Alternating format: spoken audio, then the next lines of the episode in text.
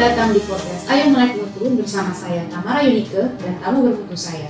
Podcast Ayo Melek Mutu mengajak Anda menyadari pentingnya mengetahui status mutu barang atau layanan jasa yang Anda gunakan sehari-hari. Podcast ini dipersembahkan oleh Mutu Internasional, perusahaan yang bergerak di bidang inspeksi, sertifikasi, serta pengujian barang dan jasa. Halo kawan mutu, berjumpa lagi di podcast Ayo Melek Mutu episode 18 yaitu tentang ABCECHSE mengenal dan mengenal dan mendalami tentang sertifikasi CHSE. Nah, bersama kita sudah ada narasumber yang sudah sangat familiar nih e, bagi kita semua mungkin yaitu Pak Irham Budiman sebagai Direktur Operasional Mutu yang bersama Pak Irham kita akan membahas lebih lanjut dan lebih dalam mengenai CHSE atau sertifikasi CHSE. Apa sih itu sertifikasi CHSE dan mengapa kita perlu bahas nih hari ini? Jadi uh, nanti kita akan bahas lebih lanjut uh, bersama Pak Irham. Ya, mungkin Pak Irham selamat sore Bapak. Sore. Ya, uh, sehat-sehat ya Pak ya. Alhamdulillah. Selama sehat. pandemi ini uh, kita semua harus berusaha nih beradaptasi ya Pak dengan kondisi yang ada. Lalu juga bagaimana supaya kita juga tetap bisa bertahan nih, apalagi uh, sebagai pelaku bisnis ya Pak ya. Uh, untuk pelaku bisnis khususnya parekraf atau pariwisata dan ekonomi kreatif seperti apa sih Pak uh, adaptasi yang harus dilakukan Pak uh, ya. ya oleh mereka itu Pak? Ya sebelum masuk ke pertanyaan bagaimana mereka beradaptasi, Betul. tentu saja kita perlu mengetahui kenapa mereka perlu beradaptasi gitu ya. Jadi uh, beberapa hasil riset yang dilakukan menunjukkan bahwa sektor uh, pariwisata dan ekonomi kreatif adalah salah satu uh, sektor yang sangat tertekan, gitu ya sangat tertekan karena adanya pandemi COVID-19. Tentu saja ini menjadi sangat wajar karena uh, selama COVID-19 uh, mobilitas itu sangat dibatasi gitu ya. Jadi ketika mobilitas itu sangat dibatasi tentu saja uh, sektor yang terkait dengan itu akan terkontraksi sangat dalam termasuk sektor ekonomi uh, dan pariwisata ya, pariwisata dan ekonomi kreatif. Nah, dari landasan tersebut tentu saja perlu dilakukan adaptasi-adaptasi oleh sektor tersebut sehingga mampu bertahan dan nantinya dengan cepat akan kembali tumbuh ketika kondisi tersebut menjadi normal gitu ya. Nah itulah kira-kira uh, kenapa adaptasi itu menjadi sangat penting bagi sektor uh, pariwisata dan ekonomi kreatif. Dan uh, menurut Bapak seperti apa Pak langkah-langkah yang harus mereka lakukan untuk terus bisa beradaptasi dan terus bisa menyesuaikan diri di keadaan pandemi yang mereka paling terdampak, paling ter terkena kontraksi dan seperti itu. Ya, artinya kuncinya adalah bagaimana mereka dengan cepat beradaptasi Betul. ya dan menyesuaikan sistem yang sesuai dengan tuntutan atau isu-isu apa saja yang hmm. yang menjadi concern dalam uh, masa ini gitu ya. Jadi kalau sekarang isunya adalah bagaimana menekan uh, penyebaran dari uh, eh, COVID-19 ini. Tentu saja uh, kuncinya adalah bagaimana menerapkan protokol ya, yeah. protokol kesehatan selain vaksinasi tentu saja yang harus tetap ditegakkan gitu ya. Nah, dalam konteks tersebut tentu saja pelaku usaha yang ingin bisa memiliki daya tahan tinggi atau resilience ya harus mampu mendemonstrasikan kemampuan untuk melakukan hal tersebut gitu ya. Nah, sekarang ini kan uh, ada fasilitasi yang namanya uh, sertifikasi CHSE gitu ya sertifikasi CHS ini sebenarnya bagian dari ikhtiar untuk uh, pelaku usaha bagi pelaku usaha untuk mampu menunjukkan kemampuan mereka untuk memenuhi persyaratan-persyaratan yang dilihat dari aspek uh, kebersihan ya kesehatan keselamatan kerja dan tentu saja uh, mengenai uh, lingkungan ya dan yang lainnya.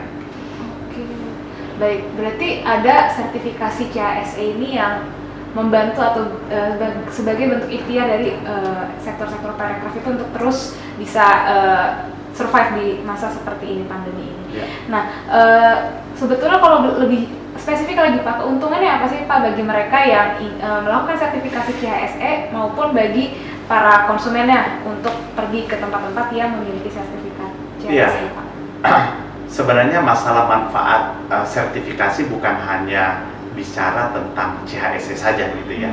Selalu ada ada ada tantangan-tantangan uh, bagi pelaku usaha yang ingin menerapkan sertifikasi apa pun gitu ya. Hmm. Karena yang ada dalam benak pelaku usaha atau penerap sertifikasi selalu ada tambahan uh, cost dan yang lainnya ya ketika ingin menerapkan uh, sertifikasi.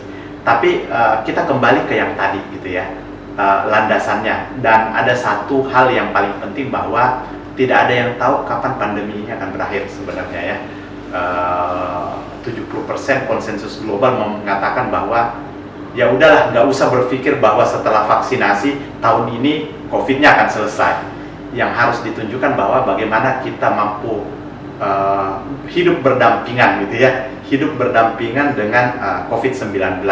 Tentu saja hidup berdampingan tersebut ada prasyaratnya, tentu saja ya. Pasti harus ada prasyarat-prasyarat yang harus kita uh, penuhi. Dalam konteks sekarang tentu saja prasyaratnya adalah uh, mampu menunjukkan bahwa kita menerapkan protokol kesehatan yang baik gitu ya. Salah satunya adalah melalui sertifikasi CHSE. Kalau kita kaitkan lagi dengan bagaimana uh, gencarnya program vaksinasi yang sudah dilakukan sampai banyak sekali ketentuan-ketentuan yang membatasi ya masyarakat yang belum vaksinasi bisa saja ini akan menjadi model selanjutnya gitu ya. Misalnya orang yang Eh, pelaku usaha yang tidak mendapat tidak memperoleh sertifikasi CAS tidak bisa buka gitu ya kan bisa saja seperti itu. Tapi itu dari sisi pelaku usaha bagaimana menggaranti bahwa usaha yang mereka miliki itu tetap uh, survive ya bertahan bahkan sustain gitu ya uh, terus uh, berkelanjutan. Bagi konsumen tentu saja ada pilihan-pilihan gitu ya. Ada pilihan-pilihan yang diberikan yang membuat mereka lebih lebih yakin ya. Lebih yakin bahwa ketika saya uh, uh, datang ke pelaku usaha yang sudah certified uh, eh, CASE, tentu saja saya menjadi lebih yakin bahwa pelaku usaha tersebut mampu menunjukkan dan mampu memenuhi kriteria-kriteria uh, CHSE yang sudah ditetapkan. Jadi uh, ada dua ada dua aspek ya. Jadi dari sisi uh, opportunity untuk menggrab market yang lebih besar ya uh, dan di satu sisi lagi bagaimana uh, memberikan uh, garansi ya kepastian bahwa organisasi atau pelaku usaha tersebut itu mampu mampu uh, bertahan survive bahkan berkembang sustain di masa yang akan datang. Nah Pak, mungkin pertanyaan uh, yang banyak orang tanya atau yang mungkin belum tahu tentang CSE, siapakah yang mengeluarkan uh, sertifikasi CSE ini Pak atau sertifikat CSE ini? Ya, uh, sertifikasi CHSE sebenarnya uh, dimulai dari indikator-indikator ya. Sebenarnya kalau bicara sertifikasi CHSE banyak sekali jenisnya gitu ya. Tapi uh, memang inisiator utamanya adalah Kementerian uh, Pariwisata dan Ekonomi Kreatif ya, CHSE yang yang uh, me, mengapa ya menginisiasi terbentuknya standar atau prinsip dan kriteria tentang CHSE untuk uh, berbagai macam pelaku apa ruang lingkup atau pelaku usaha ya di sektor uh, pariwisata dan ekonomi kreatif gitu ya. Nah uh, dari sini yang menerbitkan sertifikat itu ada adalah dari Kementerian uh, Pariwisata gitu ya. Jadi ketika organisasi itu mampu uh, memenuhi nilai passing grade ya istilahnya nilai minimal tertentu yaitu 85% maka akan diberikan sertifikat yang namanya iDucare hmm. yang langsung ditandatangani oleh uh, Menteri uh, Pariwisata dan Ekonomi Kreatif gitu ya. Nah tadi Pak berbicara sektor Pak, sektor-sektor atau jenis-jenis bidang usaha apa saja sih Pak yang bisa atau termasuk dalam disertifikasi CSE ini Pak? Iya jadi uh, sebenarnya kalau kita bicara tentang uh, sektor pariwisata itu lingkupnya banyak banget gitu ya mungkin ada lebih dari 20 ya. 20 bidang industri yang yang sangat uh, erat kaitannya dengan sektor pariwisata. Tapi kembali tadi bahwa tidak mungkin semua sektor itu bisa dinilai kalau mereka tidak punya indikator jadi untuk saat ini beberapa indikator itu ada di hotel uh, homestay atau pondok wisata restoran dan rumah makan ya daya tarik wisata wisata tirta Eh, desa wisata, angkutan wisata, tempat cenderamata, uh, mais dan golf gitu ya. Jadi uh, inilah yang yang uh, saat ini menjadi ruang lingkup untuk sertifikasi yang difasilitasi oleh uh, CHSE di Kementerian Pariwisata dan Ekonomi Kreatif. Dan seperti apa Pak uh, jalurnya atau step-stepnya bagi mereka yang ingin mendapatkan atau bagi para pengusaha uh, Parekraf yang ingin mendapatkan sertifikasi CHSE ini Pak? Ya, pertama ditekankan bahwa sertifikasi CHSE ini sifatnya gratis gitu ya. Jadi mumpung ada waktu, mumpung ada peluang dan mumpung lagi gratis gitu ya. Ini uh, kita menghimbau kepada seluruh pelaku usaha, ayo sama sama-sama segera mendaftarkan sertifikasi CHSE karena ini uh, alokasinya juga terbatas gitu ya. Alokasinya juga terbatas tahun ini kalau tidak salah alokasinya uh, hanya sekitar 6.300 uh, pelaku usaha. Tahun kemarin, uh, tahun lalu itu sekitar 6.600 pelaku usaha yang difasilitasi gratis. Jadi bagi pelaku usaha yang ingin uh, mendapatkan sertifikat uh, CHSE, uh, langkah pertama adalah mendaftarkan diri ke dalam uh, website ya, mendaftar dalam uh, website uh, chse.kemenparekraf.go.id. Jadi setelah uh, masuk ke dalam website tersebut itu sudah jelas petunjuk-petunjuk yang harus dilewati. Nanti masing-masing pelaku usaha itu harus mengisi namanya uh, format penilaian mandiri. Di situ ada kelihatan ya uh, tata cara dan mekanismenya seperti apa. Nanti setelah melakukan penilaian mandiri, nanti akan ada uh, deklarasi ya, deklarasi yang menjadi output dari uh, apa uh, penilaian mandiri tersebut. Nanti dari hasil penilaian mandiri tersebut tentu saja selanjutnya akan di, diberikan kepada lembaga uh, penilai ya, lembaga sertifikasi dalam hal ini konsorsium yang yang terdiri atas uh, Mutu Agung, Mutu Internasional, uh, Sukovindo dan Tufrenland. Dari tersebut dilakukan verifikasi oleh tim, kemudian kalau dinyatakan oke, okay, uh, bisa dilakukan kegiatan audit oleh auditor-auditor yang yang kompeten yang sudah uh, melakukan pelatihan-pelatihan kompetensi yang dipersyaratkan ya yang dipersyaratkan. Setelah itu uh, akan muncul uh, rekomendasi dan verifikasi dan technical review dan selanjutnya kalau dinyatakan oke okay, akan diterbitkan sertifikat. Penerbitan sertifikat ini hanya diberikan bagi pelaku usaha yang mampu memenuhi passing grade yang sudah ditentukan yaitu 85% ya 85% jadi kalau di bawah 85% belum diberikan sertifikat yang namanya care gitu ya. Hmm.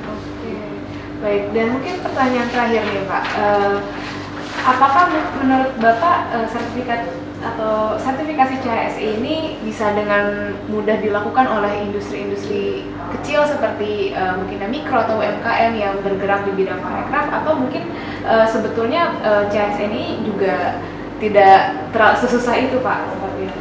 Iya, jadi uh, susah atau tidak uh, sangat relatif gitu ya.